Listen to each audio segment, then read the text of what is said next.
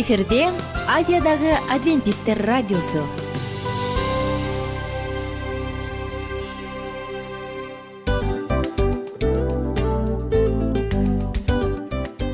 Достор салют. Баардык сүйүктүү угармандарыбызга салам айтабыз. Кутман күнүңүздөр менен. Ден соолук өмүрдүн булагы демекчи саламат саамы программасында баарыңыздарды көргөнүбүзгө абдан кубанычтабыз. Анда алгач амандашып өтөлү арбаңыздар деп. Ден соолугуңуздар кандай элибизде көбүнчө ден соолук кандай дегенде эле жакшы деп жооп беребиз э? ооруп турсак дагы жакшы дейбиз. Анан мен муну айтып ойлойт элем бул абдан сонун сөз депчи анткени бул жакшы деген үмүт да э баары жакшы болот. Баары сонун. Деп үмүттөнүп атып эле өзүбүздү өзүбүз дарылап коебуз. Анысы кандай? Сиздин дагы ден соолугуңуз жакшы беш деген үмүттөбүз чындыгында ден соолук бул өмүрдүн булагы деп бекеринен айтылган эмес деп ойлойм. Кыргыз элинде анткени эгерде ден соолук жок болсо анда адамдын жашоосунда калган баардык керектүү маңыздуу нерселер өзүнүн баалуулугун жоготуп коет. Ошондуктан ден соолук бул эң керектүү нерсе. Ооба туура айтасың кесиптешим. Чынында ден соолугуң жок бир эки үч күн ооруп калсаң эле э кандай болуп калат? Жашоодо көз каранды болуп каласың көп нерсеге жетишпей каласың көп нерсени кыла албай каласың жада калса эшикке дүкөнгө да чыга албай каласың. Туптуура анан ден соолук болсо демек биз биздин бактыбыз тотой деп койсок болот. Анда достор саламат саамы рубрикабызды баштайлы. Алдыда өзүңүзгө керектүү болгон сонун кеңештерди уга аласыздар. Мына ошондуктан биз менен бирге болуңуздар. Ал эми биз болсо милан жана айнура. Кеттик алга. Алга саламат саама ден соолуктун жарчысы. Саламат саама ден соолуктун ачкычы. Күн сайын сиз үчүн мыкты кеңештер сонун жаңылыктар кызыктуу фактылар. Биздин рубрикада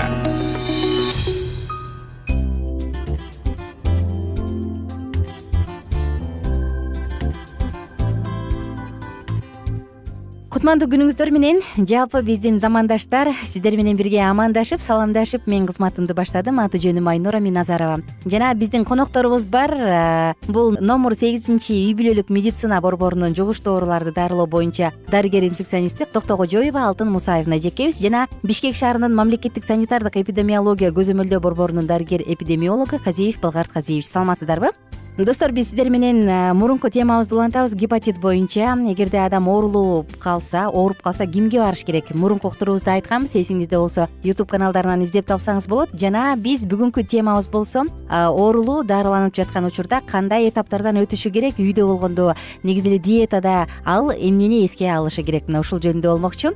Анда суроом эжекеге болсун эжеке. Оорулуу адам ооруканага жатып чыкты. Үйгө келгенден кийин ал амбулатордук леченияны дарыланууну андан ары улантабы кандай болуш керек бул жагы? Больницага жаткандар мисалы острый вирусный гепатит а деп коет жана курч ооруган кезде жатышат эгерде аябай э, оор абалда болуп барса. Ал эми жеңилдери болсо үйдөн эле дарылайт э, жанагы үй бүлөлүк э, медицина борборундагы врачтар эле өзүлөрү дарылап койсо болот. Вот үйдө жаткан шартта дарылангандардын базисная терапия деп коет. Көбүнчө диетага отуруш керек. Эң биринчи диетага отуруш керек. Анан полупостельный режимде туш экөөнү анан витаминдерди эметсе эле кичинекей балдардын боорлору эгерде строго ошону кармаса эле жети он күнүн ичинде кайра өзүнүн калыбына келип жана жогоруда айтып кеткен трансаминаздар деп айттык го ферменттер ошо клеткалар өлгөндө чыга баштайт деп. Ошо клеткалардын стенкалары өзүлөрү разрушаться этпей кайра восстанавливаться этип калыбына келишет менде бир суроо жаралып кетти ушул жерден. Эгерде атасы апасы мурун оорубаган болсо гепатит а мененчи анан бала ооруп калса баладан ата энесине жугабы эгерде оорубаса сөзсүз түрдө гигиенаны сактабаса жугат ал эми үй бүлөдөн сырткары больницага жатса больницада эле ошондой кылат бирок аяка кичине оорураактар жаткырганына байланыштуу венасынан э, куюшат э, дарыларды анан аякта деле ошондой диетага отургузат дагы беш жети күнүн ичинде анализди эметип андан кийин участковый врачтарына э, өткөрүп берет участковый врачтар бул убакта алардыкын карашат дагы эгерде трансаминазы дагы эле кичине бар болсо дагы он күнгө коюп коюшат он күндөн кийин кайра алышат кандай толук калыбына келгенден кийин гана аларды ошол толук калыбына келгенден кийин желчегонный деп коет дарыларды жазып берип аны да бир жыйырма күн ичишет анан ошондон кийин гана диетага отурганы үч ай отурат а гепатит менен ооругандар андан кийин гана анан общий столго өтсө болот да. Ал эми острый вирусный гепатит б деген дагы сөзсүз түрдө с болобу б плюс д болобу больницага жатыш керек болот. Себеби деген алардыкында баягы өтө катуураак ооруп барышат дагы белгилери аябай катуу болот. Анын үстүнө э, клеткалары да аябай өлүп аткан болот чтобы андан кийин туругу аларга капать этпесе желтушность да аябай выраженный болот туруп алышы мүмкүн? Бир айлап эки айлап жатып калат ушунчалык катуу протекать этиши мүмкүн дагы анан андан кийин өзүлөрү семейный врачтарга өткөрүп берет да. Семейный врачтар андан кийин өзүлөрү карап турушат. Мезгил мезгили менен алар кан тапшырышат хронический болуп кеттиби болбодубу карап турушат дагы. Диетага бир жылдай эки жылдай отурушат дагы бир суроо болуп калды. Э, а мисалы гепатиттин а түрү менен ооруган адам кийин кайра жукпайт ага карата иммунитет пайда болуп калат дебедикпи б түрү менен с түрү менен ооруган адамчы кийин ал оору кайталанышы мүмкүнбү? Эгерде диета кармабай койсо же кандайдыр бир дарыланууну толугу менен өтпөй койсо же ал бир ооруду болду айыкты ошол бойдон калабы жок острый гепатит б менен ооруган иммунитетине жараша болот андан кийин хронический болуп кетиши мүмкүн да. Хронический болуп калат э өнөкөт хронический болуп өнөкөттү алып кетиши мүмкүн. С гепатити менен острый менен редко оорушат аныкы көбүнчө эле хронический болуп кетет да. Алар наблюдация этишет гепатологдордо участковый врачтарда инфекционисттерде наблюдация этип. Мезгил мезгили менен үч айда бирден жана дагы өзүнүн белгилерине жараша же болбосо такай эле э, трансаминаздар стабильный болуп турса алты айда бирден текшерилип турат да бул көзөмөлгө алынып турат санэпидстанция боюнча дагы. Жакшы. Биздин карамагыбызда эки жарым мүнөттүк убакыт калды. Балгарт казиевич может мүмкүн сизде кошумчалар бардыр? Кошумчасын азыр менин коллегам алтын мусаевна да бүт эле баарын айтып кетти. Ошондой эле бир дагы бир жолу кошумчалап койсом. Бул гепатит түрүн негизи баягы экиге бөлүп билебиз да а түрү боюнча баягы алдын алуу иштерин жүргүзүп кете турган болсок эгер балдарыңыз балдарыңыздар ооруп калган болсо инфекционныйга же үй бүлөлүк медициналык борборлоруна барганда кээ бир учурларда бала бакчага барбайт деп коюп атышат. Бала бакчага барбайт деп койгон учурлар да кездешип атат. Ошо антпестен бала бакчага барат баланчасында барган деп айтып коюш баягы толук э, мүмкүнчүлүк болот. Андан тышкары биз эгерде бала бакчага барган болсо дароо ал бала бакчага барабыз да алдын алуу иштери аякта өзүбүз билебиз. Аякта алдын алуу иштеринин баары жүрөт. Байланыштуу үй бүлөлүк медициналык борборлор да иштейт. Аякта э, закрепленный деп коебуз баягы врачтар болот. Ар бир мектептин ар бир садиктин врач медсестралары болот тиешелүү. Ошолор отуз беш күн карайт. Э, эмнеге карайт? Анан баягы бала калган балдарга жугуп калган балдар ооруп калбаш үчүн менде алуу иштери. бир суроо бар. Мисалы эки миң он тогузунчу эле жылды алсак он төрт жашка чейинки балдар оорулардын сексен жети бүтүн ондон төрт пайызын түзүүдө оорулар көбөйүп аткан учурда мектептерде кандайдыр бир карантин же бир сөздөр болобу жок мондай оору жугуп атат жаба туралы же мындай кылалы мынтип алдын алалы деген. Же ооруп атат оорууну өзүнчө эле даярдап калганы кала береби кыска жооп берсеңиз бир он беш секунд.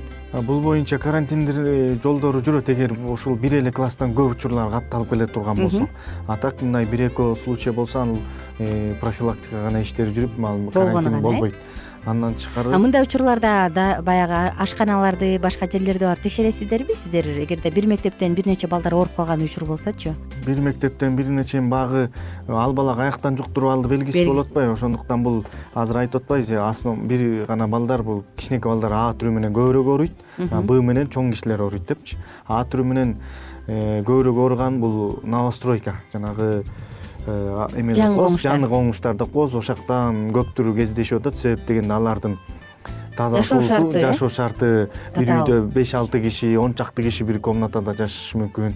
Баягы санитардык норма деп коебуз ошол өздүк гигиенаны сактабаштыктан ошолор оорутуп алышы мүмкүн балдарын. Андан тышкары эле жана айтып кетпедикпи суу жагы маселе анткени жайында баягы огороддорун баягы сугарып ошондон суу тартыш болуп суу токтоп калган учурлар болот. Эгерде суу болсо аны баягы туура сактабаштыктан келип турат коюп коет. Аны эки үч күндөн кийин ичип койгон балдар болот анан. Ал бул уже суу эскирип уже э, эскирип кеткенден кийин аны колдонгонго болбойт. Ошондо жана айтып өтпөдүмбү кайнатылган сууну ичиш керек андан тышкары эле жанагы мөмө жемиштерди жашылча жемиштин баарын аябай кылдат таза суу менен жылуу суу менен жууш керек. Андан тышкары эң бул аанын алдын алуу бир түрү э, бул колду таза жууш керек. Бул личный грязный баягы личный грязный круг деп коет баягы кол кир болгондо гепатит а жугат. А гепатит б болсо жана айтып өтпөдүкпү медицина жагынан көбүрөөк жугат баягы абайлашыбыз керек деп андан тышкары баягы медицинага барбаса да жуктуруп аткан себептери баягы жыныстык катнаш жана айтылбай калды ошол жыныстык катнаш аркылуу көбүрөөк жугузуп атышат. Ошол учурлардагы баягы алдын алуу чараларын көрсөңүздөр деп элге кайрылып кетмекчимин. Жакшы чоң рахмат э, сиздерге келип бергениңиздер үчүн. Алтын мусаевна биздин конокто болду. Жана балгар казиевич ыраазычылык айтабыз ишиңиздерге ийгилик. Жана көрөрмандар жалпыңыздар менен кийинки уктуруулардан амандашканча сак саламатта туруңуздар саламат саама ден соолуктун жарчысы. Саламат саама ден соолуктун ачкычы. Күн сайын сиз үчүн мыкты кеңештер сонун жаңылыктар кызыктуу фактылар биздин рубрикада. Салам достор. Кайрадан биздин сүйүктүү рубрикабызга кош келиңиздер деп айтмакчыбыз. Баардык замандаштарыбызга арбаңыздар деп саламыбызды айтабыз. Улуу ушундай бир э, урматтаган учурашуу менен анан дил маек радио баракчабызга чакырабыз. Негизи дил маек биздин рубрикабызда эмне жөнүндө кеп кылабыз бул дил маектин мааниси эмнеде рубрикабыз менен кичине тааныштырып кетсеңиз. Сөзсүз түрдө тааныштыра кетейин кесиптешим суранычы боюнча бул учурда бул радио баракчада биз ар тарап кесип ээлеринен сонун кеңештерди алабыз сүйлөшөбүз сырдашабыз аталарыбыздын эжелерибиздин апаларыбыздын кеңештерин угабыз айтор жан дүйнөгө адамдын э, сапатына адамдын деги эле адам болуп жашашына керектүү баардык кеңештер алдыда. Негизи э, дил маек дегенде баягы эки адамдын ортосундагы сырдашуу кенен сүйлөшүү. Негизи эле биз адамдар бири бирибиз менен бир жерге жай жерге отуруп алып өзүнчө тынч жашоо жөнүндө өмүрүбүздө эмне болуп атканын бөлүшкөнү жакшы көрөбүз э адамдар. Ооба туура айтасың анан мындай учурга кээде убакыт да жетпей келет э? Же болбосо сырыңды кайгыңды муңуңду кубанычыңды айткың келет а адамга ишенбешиң мүмкүн. Ооба. А бул радио баракча угармандарыбыздын чыныгы досу анткени бизден алган кеңеш сиздин жашооңузга чоң жардам берет. Ал эми сиздин бизге айта турган сөзүңүз ортодо гана сыр бойдон калат. Ошондуктан биздин дил маек рубрикабызга дагы бир жолу кош келиңиздер. Жана биз даярдаган маалыматтарга даяр болуңуздар. Айнура жана милан сиздер менен бирге алдыга кеттик ар түрдүү ардактуу кесип ээлеринен. Алтын сөздөр жүрөк ачышкан сыр чачышкан сонун маек. Дил маек рубрикасында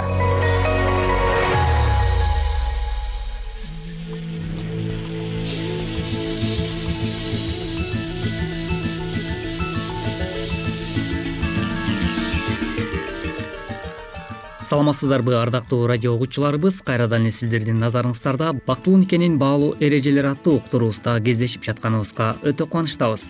Адаттагыдай эле кызматыңыздарда кайрадан микрофондо мен улан кубанычбеков жана ошондой эле менин кесиптешим. Саламатсыңарбы жана мен асель мамбетова ардактуу радио угармандарыбыз бүгүнкү программабыздын чыгарылышында биз сиздер менен дал ушул үй бүлөлүк жашоодо башкача айтканда никелик жашоодо түгөйлөрдүн ортосундагы айырмачылыктар туурасында кеп кылмакчыбыз. Андыктан бүгүнкү программабызда биздин толкундан алыстабай биз менен биргеликте болуңуз. Үй бүлөдөгү эки адамдын айырмачылыктары туурасында сүйлөшсөк деги эле үй бүлөдөгү эки адамдын айырмачылыгы. Э, мисалга алсак жолдошу спортту жакшы э, көрүшү мүмкүн. Ал эми ошол эле учурда сиздин жубайыңыз китеп окуп калганды дагы жактырышы ыктымал силер дайыма эле так жүрсөңөр ал эми жубайыңар андай эмес. Силер көпчүлүктү жакшы көрүшүңөр мүмкүн. Ал эми адатта жолдошуңуз андайды жактырбашы да ыктымал ошондуктан бири бириңерге такыр ылайык эмеспиз. Сүйлөшүп жүргөндө биз каякты карап жүргөнбүз деп дагы ушундай ойго келишиңер ыктымал ошондой эле балким баарын болбосо да кээ бир айырмачылыктарды байкагансыңар. Болгону ал кезде оңой эле ылайыкташып кете алчусуңар. Азыр болсо эмнегедир андай эмес. Бүгүнкү программада силерге кайрадан мурункудай болууга жардам берген кеңештер бар. Бирок алгач айырмачылык деп эсептелген нерселерге токтололу. Олуттуу айырмачылыктар. Сүйлөшүүнүн негизги максаты кыз жигиттин бири бирине ылайык келээр келбесин аныктоо олуттуу айырмачылыктар байкалганда. Көптөр ылайыксыз киши менен баш кошкондон көрө мамилесин токтотууну чечип акылдуулук кылышат. Ал эми баардык никеде боло турган анча олуттуу эмес айырмачылыктар тууралуу эмне дешсе болот. Андыктан кымбаттуу радио угармандарыбыз бири бирине оп окшош эки адам эч убакта болбойт эмеспи. Жубайлар төмөнкү жагдайлардан айырмаланышы мүмкүн. Кызыккан нерсеси көбүнчө эки жакка чыкпай эле үйдө болгонду жакшы көрөм дейт алтынай. Ал эми жолдошум болсо кичинекей кезинен эле тартып токойго чыкканды. Жана бир нече күнгө чейин токойду аралап эс алганды жакшы көрөт. Эки адамдын адаттары да бири бирине окшошпойт. Мисалы бакыт мындай дейт. Келинчегим түн бир оокумда жатса деле беште эле ойгонуп алат. Мен болсо жети сегиз саат уктабасам.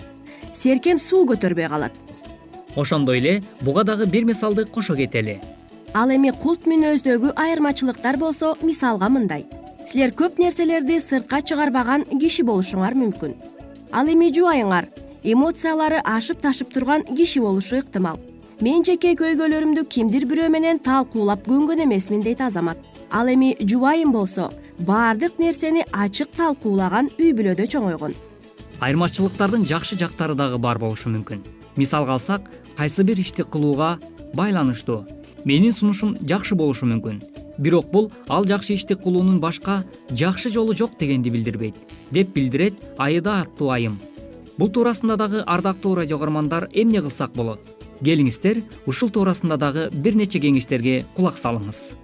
Биринчиден ыңгайлаша билгиле. Келинчегим катя спортко такыр кызыкпайт. Бирок мени менен чогуу бир нече оюнга барган атүгүл мага кошулуп күйөрман болуп күйүп бышып отурган. Негизи ал сүрөт көргөзмөсүнө барганды жакшы көрөт. Ошондуктан көргөзмөгө чогуу барып каалашынча жүрүп келебиз. Ал сүрөткө кызыккандыктан мен да кызыкканга аракет кылам дейт адил. Экинчиден көз карашыңарды кеңейткиле жубайыңардын кайсы бир нерсеге карата көз карашын силердикинен айырмаланган учур эле туура эмес деп айтууга болбойт. Буга айбек өз тажрыйбасынан ынанган ал кандайдыр бир маселени чечүүнүн. Эң жакшы бир эле жолу болот. Ал эми башка жолдору анча жакшы болбойт дегендей ойдо болчу. Бирок үйлөнгөндөн кийин кандай маселе болбосун? Аны ар кандай жолдор менен чечсе болоорун жана ар бир жолдун өзүнчө жакшы жактары бар экенин түшүнгөн. Үчүнчүдөн реалдуу карагыла. Бири бириңе ылайык келүү окшош болууну билдирбейт. Андыктан анча мынча айырмачылыктарыңар бар экенин байкалса эле турмуштан жаңылдым деп ойлонгонго шашылбагыла. Ажырашуу тууралуу бир китепте көптөрдүн мен сүйүүгө мас болуп эч нерсени көрбөй калыптырмын дешери. Бирок алардын бирге өткөргөн бактылуу күндөрү айырмачылыктарга карабай бири бирин сүйө алаарын далили экени жазылган. Ошондуктан бири бириңерге нааразы болууга себеп болсо да көтөрүмдүү болгонго аракет кылгыла. Баш кошкон күнү экөөңөр бири бириңерге ант бергенсиңер ал ант сүйгөн кишиңер менен өмүр бою чогуу болууга кандай көйгөй болбосун? Аны биргелешип чечүүгө салтанаттуу түрдө берилген убада болчу. Арадан жылдар өтөт. Ортодо келишпестиктер пайда болуп мамилеңер сууй баштайт. Андайда жубайыңарга берген убадаңарга бек турасыңарбы ошондуктан кымбаттуу жаш жубайлар жана ошондой эле сүйүктүү ата энелер сөзсүз түрдө жашоодо көтөрүмдүү болуунун натыйжасы бул сиздин жашооңузга жакшы жемишин берет эмеспи. Демек көтөрүмдүүлүк болгонго дагы аракеттенгенге умтула берели деген тилек менен маегибизди уланта бермекчибиз. Сиздер бул нерсени жашооңуздарда колдонуп көрсөңүздөр да болот. Мисалы мындай кылсаңар болот. Кагазга жубайыңардын. Силерге жаккан. Силер жакшы көргөн жана силердикине окшош жактарын жазгыла. Андан соң айырмачылыктарыңарды жазгыла. Ошондо айырмачылыктарыңар силер ойлогончолук деле олуттуу эмес экендигин байкасаңар мүмкүн. Мындан сырткары дагы урматтуу угармандарыбыз ошондой эле кайсыл жактан ийкемдүүрөөк болсоңор кайсыл жактан бири бириңиздерге ылайык болсоңор бири бириңиздерди түшүнгөнгө эң жакшы курал болуп саналат. Келинчегим мага ылайыкташкан учурда ага аябай ыраазы болом деп айтат азамат ал да мага ылайыкташып жатканы абдан кубандырат дейт.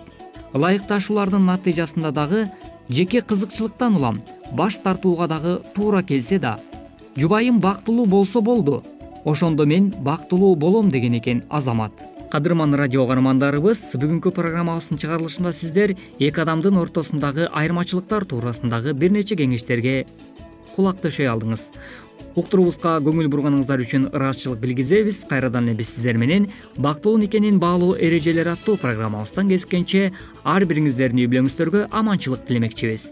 Кайрадан эле биз сиздер менен дал ушул ободон үн алышканча сак саламатта болуңуздар. Ар түрдүү ардактуу кесип ээлеринен алтын сөздөр жүрөк ачышкан сыр чачышкан сонун маек дил маек рубрикасында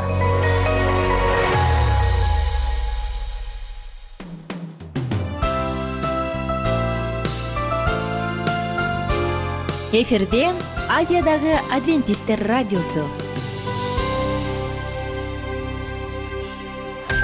Жан дүйнөңдү байыткан жүрөгүңдү азыктанткан жашооңо маңыз тартуулаган жан азык рубрикасы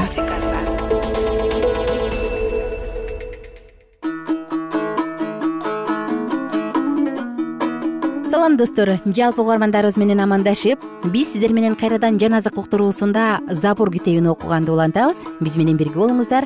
Алдыда эң сонун сөздөр сиздер үчүн гана жаңырмакчы. Токсон сегизинчи забур. Теңир падышачылык кылып жатат. Бүт элдер титиреп турушсун. Ал керубтардын үстүндө отурат. Жер титиресин. Теңир сион тоосунда улуу. Ал бардык элдерден жогору турат сенин улуу жана коркунучтуу ысымыңды даңкташсын ал ыйык сен акыйкаттыкты сүйгөн күчтүү падышасың. Сен адилеттикти орноттуң жакыпка адилеттигиң менен калыстыгыңды көрсөттүң. Кудай теңирибизди даңазалагыла анын буту алдына келип таазим кылгыла ал ыйык ыйык кызмат кылуучулардын ичинен муса менен арун анын атын чакыргандардын ичинен шемуэль теңирди чакырышкан теңир аларды уккан. Теңир аларга булут түрмөгү ичинен сүйлөгөн алар теңир берген осуяттар менен мыйзамды сакташкан. Теңир биздин кудайыбыз. Сен аларга кулак салдың. Сен алар үчүн кечире турган жана иштерине жараша жазалай турган кудай болчусуң. Теңирди биздин кудайды даңазалагыла ага анын ыйык тоосунда табынгыла анткени теңир биздин кудайыбыз ыйык токсон тогузунчу забур. Мактоо забуру. Бүт жер жүзү теңирди даңктабырда теңирге кубаныч менен кызмат кылгыла анын алдына ыр менен баргыла. Теңирдин кудай экенин ал бизди жаратканын биз аныкы экенибизди анын эли жана анын жайытындагы койлору экенибизди таанып билгиле. Анын дарбазаларына даңктоо сөздөр менен анын короолоруна мактөө сөздөр менен киргиле аны даңктагыла анын ысымын даңазалагыла. Анткени теңир жакшы. Анын ырайымы түбөлүктүү. Анын адилеттиги кылымдан кылымга өкүм сүрөт. Жүзүнчү забур. Дөөттүн забуру. Мен ырайым жана акыйкаттык жөнүндө ырдаймын. Теңир мен сага ырдаймын күнөөсүз жол жөнүндө ой жүгүртөм. Сен мага качан келесиң? Мен өз үйүмдө жүрөгүмдүн тазалыгы менен жүрөм. Мен өзүмдүн көз алдыма кереги жок буюмдарды койбойм. Кылмыш ишти жек көрөм. Ал мага жабышпайт. Бузулган жүрөк менден алынат жаман нерсени билбей калам. Өз жакынын жашыруун ушактаганды кууп чыгам. Текебер көзгө жана менменсинген жүрөккө чыдабайм. Менин көздөрүм жердеги ишенимдүүлөрдө алар менин жанымда турушат. Күнөөсүз жолдо жүргөн адам мага кызмат кылат. Жүзү каралык менен иш кылгандар менин үйүмдө жашабайт. Жалган сүйлөгөн адам менин алдымда турбайт. Теңирдин шаарынан мыйзамсыз иш кылгандардын баарын жок кылыш үчүн жер үстүндөгү кудайсыздардын баарын таң зардан кыра баштайм. Жүз биринчи забур кыйналган адамдын сыйынуусу ал кайгыга чөгүп теңирдин алдында өзүнүн кайгысын төгүп жатат. Теңирим менин сыйынуумду ук менин муң зарым сага жетсин менден өз жүзүңдү жашырба. Кайгыга чөккөн күнү мага кулак сал. Сени чакырган күнү мени тез ук. Анткени менин өмүрүм түтүн сыяктуу жок болду сөөктөрүм чычаладай болуп күйөп калды. Жүрөгүм жараланып чөптөй соолуду. Ошондуктан мен өз нанымды жегенди да унутуп коюп жатам. Онтогон үнүм басылбай жатат. Этим сөөктөрүмө жабышып калды. Мен чөлдөгү бир казанга окшоп калдым. Урандылардын үстүндөгү үкүдөй болуп калдым. Уктабай там башындагы жалгыз куштай болуп отурам. Күн сайын мени душмандарым кордоп жатышат. Жамандык каалагандар мени каргап жатышат гүлдү нан катары жеп жатам суусундугумду көз жашы менен аралаштырып ичип жатам. Мунун баары сенин мага каарданганыңдан жаалданганыңдан улам болуп жатат. Анткени сен мени жогору көтөрдүң да кайра жерге кулаттың. Менин өмүрүм өтүп бара жатат. Көлөкөдөй мен чөптөй соолуп калдым. Теңирим сен болсо түбөлүк турасың. Сени муундан муунга унутушпайт. Сен кайра турасың. Сионду аяйсың. Анткени мага ырайым кылуучу убакыт келди анткени белгиленген убакыт келип калды. Сенин кулдарың анын таштарын да сүйүшөт анын топурагында аяшат ошондо бүт элдер теңирдин ысымынан коркуп калышат. Жер жүзүндөгү бардык падышалар сенин даңкыңдан коркуп калышат. Анткени теңир сионду кайрадан курат жана өзүнүн даңкы менен келет. Ал алсыздардын сыйынуусуна назарын салат алардын жалынуусун жек көрбөйт бул келе жаткан муун үчүн жазылып калат. Ошондо келе жаткан муун теңирди даңктайт анткени ал өзүнүн ыйык бийиктигинен жерди карап турат. Деңир асмандан жерге көз салып турат. Ал туткундардын онтогон үнүн угат өлүмгө кыйылган уулдарды кыткарат. Теңирдин ысымын сиондо жарыя кылыш үчүн иерусалимде аны макташ үчүн бүт элдер чогулушат. Падышалыкчылыктар теңирге кызмат үчүн жыйналышат теңир менин күчүмдү кетирди менин күндөрүмдү кыскартты. Ошондо мен кудайым мени өмүрүмдүн жарымында алып кетпе сенин жылдарың түбөлүктүү дедим. Башында сен жерди негиздегенсиң асманды да сенин колдоруң жараткан. Алар жок болушат. Сен болсо түбөлүк жашайсың. Алардын баары чапандай эскирет сен аларды кийинде алмаштырасың. Алар өзгөрөт. Бирок сен ошолбойдонсуң сенин жылдарыңдын аягы жок. Сенин кулдарыңдын уулдары жашашат алардын тукуму сенин алдыңда бекем болот. Жүз экинчи забур. Дөөттүкү. Менин жаным теңирди даңкта менин бүт ички дүйнөм анын ыйык ысымын даңкта. Менин жаным теңирди даңкта анын бардык жакшы иштерин унутпа. Ал сенин бардык мыйзамсыз иштериңди кечирет сенин бүт ооруларыңды айыктырат. Сенин өмүрүңдү көрдөн куткарат ырайымы жана мээрими менен чулгайт сенин жашооңду жакшылыкка толтурат жаштыгың бүркүттүкүндөй жашарат кордук көргөндөргө теңир адилеттигин жана акыйкаттыгын көрсөтөт. Ал өзүнүн жолдорун мусага өзүнүн иштерин ысрайыл уулдарына көрсөттү. Теңир кайрымдуу жана ырайымдуу чыдамдуу жана абдан боорукер ал аягына чейин каарданбайт ал түбөлүк ачуулана бербейт. Ал бизге мыйзамсыз иштерибизге жараша жасаган жок бизди күнөөлөрүбүзгө жараша жазалаган жок анткени асман жерден кандай бийик болсо теңирден корккондорго анын ырайымы ошондой зор.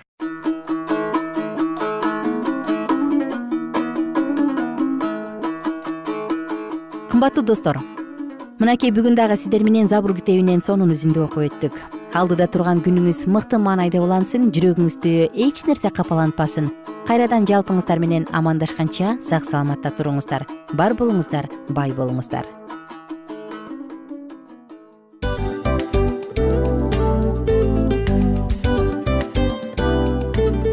мына ушинтип убакыт дагы тез өтүп кетет экен. Биз дагы радио уктуруубуздун аягына келип жеттик. Келип кубандырдыңар эми кетип кубандыргыла деп тамашалап калышат эмеспи? Анысы кандай? Радио баракчабызды программабызды азыр эле баштап аткандай болдук элек. Мына соңуна келдик э? Негизи убакыт э, билинбей өтүп кетет экен? Мен дагы э, убакыт дегенде бүгүн бир адам менен сүйлөшүп калдым. Анан убакыт бул мүмкүнчүлүк деп айтып өзүмө өзүм айтып алып анан мага өзүмө эле кайра ачылыш болду да чын эле э Э, карап отурсаң ошол эле жыйырма төрт саат ошол эле жарым саат кайталанып атат. Бирок сендеги мүмкүнчүлүк жок ошол кой берилип кетти? Анысы кандай? Бүгүнкү сонун убактыңызды алтындай болгон жарым саатыңызды бизге бөлүп арнаганыңыз үчүн ыраазычылык айтабыз. Анан жашооңуздун кайсы бир сферасын өзгөртө турган сонун пайдалуу кеңеш алган болсоңуз анда биз максатыбызга жеттик.